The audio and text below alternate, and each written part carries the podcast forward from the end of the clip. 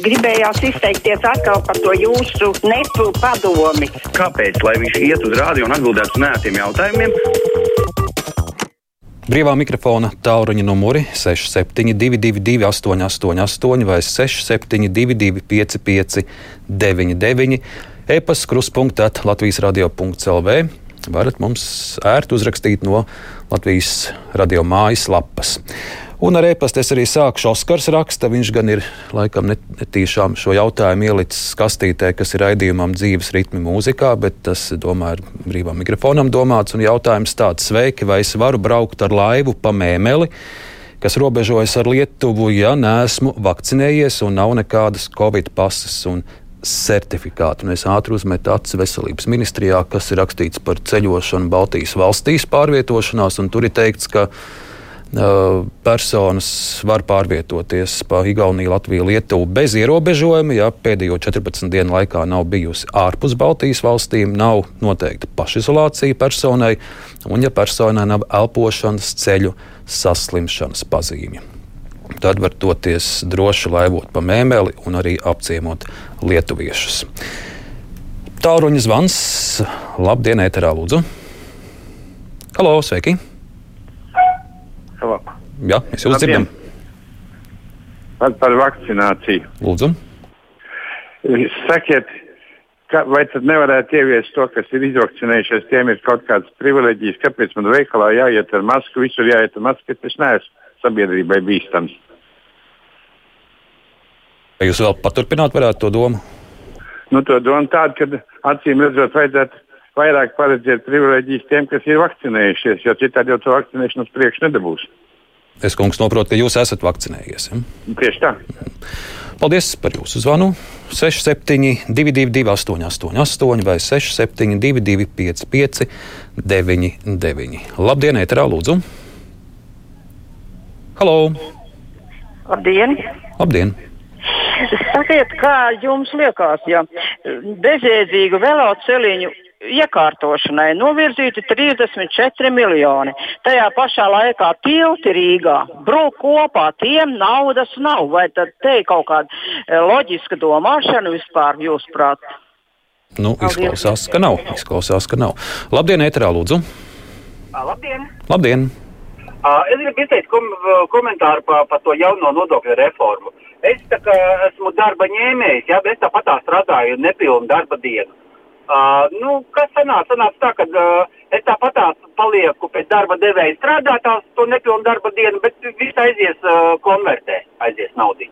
Un tas ir viss. Un, un, un ļoti daudziem, ar ko es tā runāju, ļoti daudziem uh, atlaiž tā kā vaļā no darbiņa, jā, bet naudiņu samaksā tāpat. Jo tam darba devējiem ir vajadzīgs tas cilvēks uz stundu, divām, trijām, tur sētnieks ir vajadzīgs, tur sniedziņu vai putekļus noslausīt.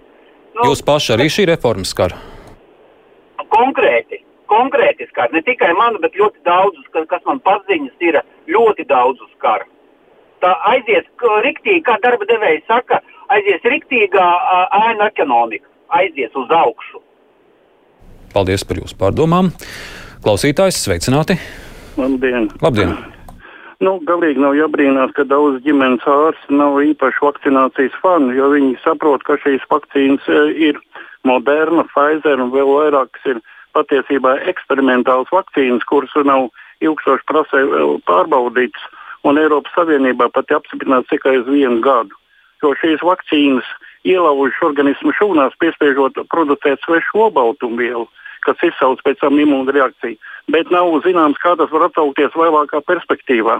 Gan ar iedzimtību, gan ar vēju šūnu veidošanos un tā tālāk un jauniem cilvēkiem izmantot šīs vakcīnas būtu vienkārši bezatbildīgi. Kungs, ja var vaicāt, kāda ir jūsu izglītība, kaut kas par infektuoloģijas līniju? Apmēram kaut kas no tā ir, ja? mm -hmm. un arī pietiekoši daudz informācijas var atrast par darbības mehānismu. Jo RNS un DNS arī slavenais Sputnik, ja, satura tādas vielas, saka, kuras provocē cilvēku organismu šūnas, potas, stūmu, producēt uh, Covid vīrusu obaltumvielu, uz ko reaģējot cilvēku imūnsistēmu veido aizsardzības mehānismu. Paldies, paldies par jūsu viedokli. Te jāatgādina, ka Eiropas zāļu aģentūra uzsver, ka visas vakcīnas, kas ir apstiprinātas, ir drošas.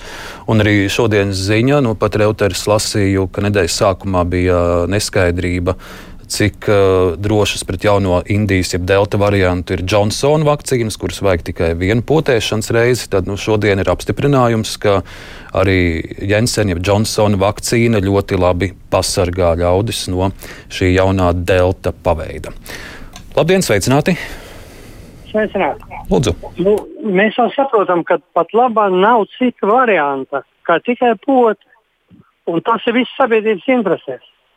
Un, uh, manuprāt, gan ģimenes ārstiem vajadzētu aktīvāk iesaistīties. Bet tāda masku nēsāšana, nenēsāšana, nu, kas to pateiks? Nu, tur es ieju vieglā bez maskas, kas man prasīs dokumentu. Manuprāt, ir cilvēkiem jābūt apzinīgiem un jāpadomā par to, ka saslimšanas gadījumā, ja cilvēks nav potējies, viņš maksā lielāku summu. Kungs, ja par tiem ģimenes ārstiem, varbūt varat padalīties, kāda bija jūsu pieredze ar ģimenes ārstu?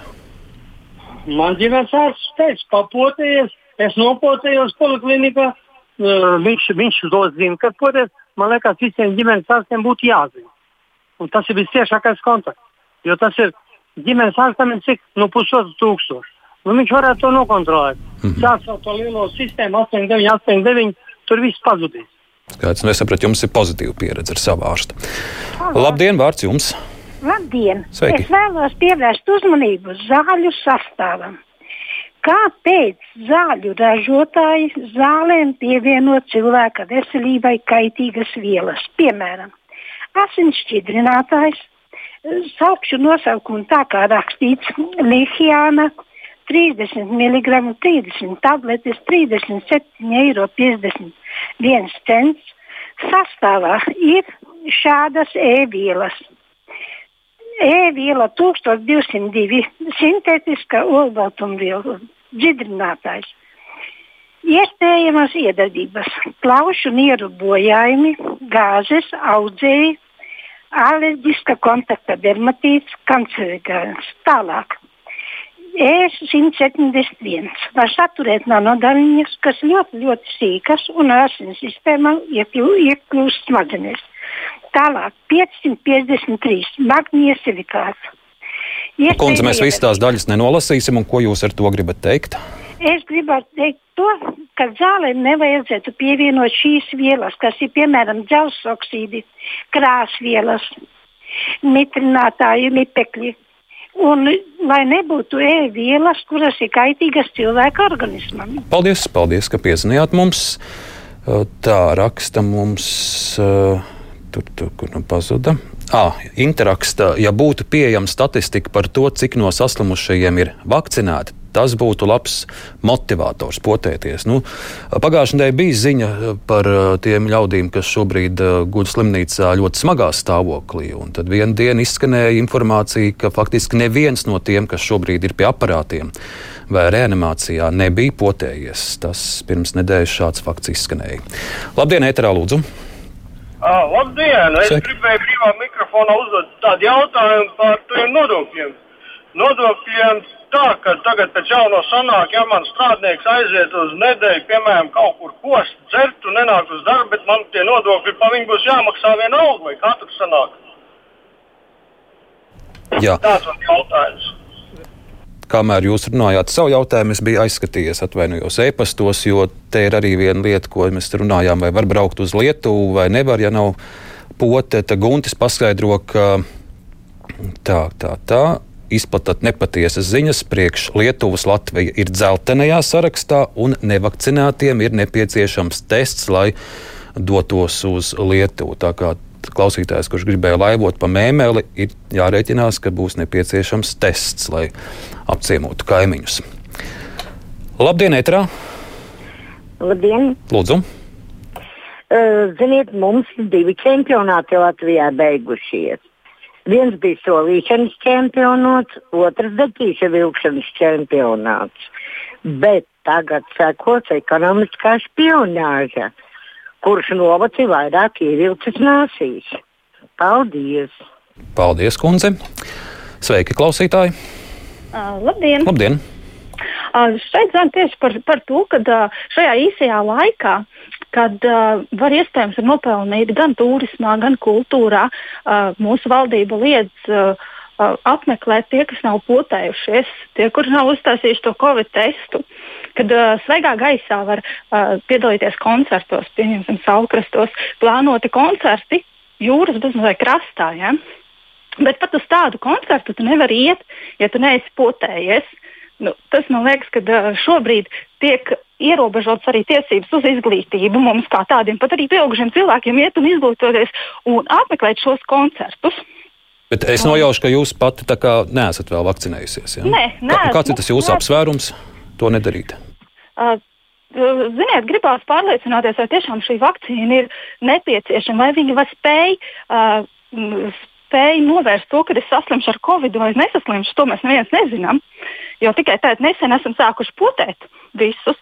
Tad jau redzēs laiks, vai uh, tie, kas ir sapotējušies, viņi ir saslimuši, nav saslimuši. Tas tikai ir laiks, un mums tas laiks vēl ir bijis tik ļoti īss.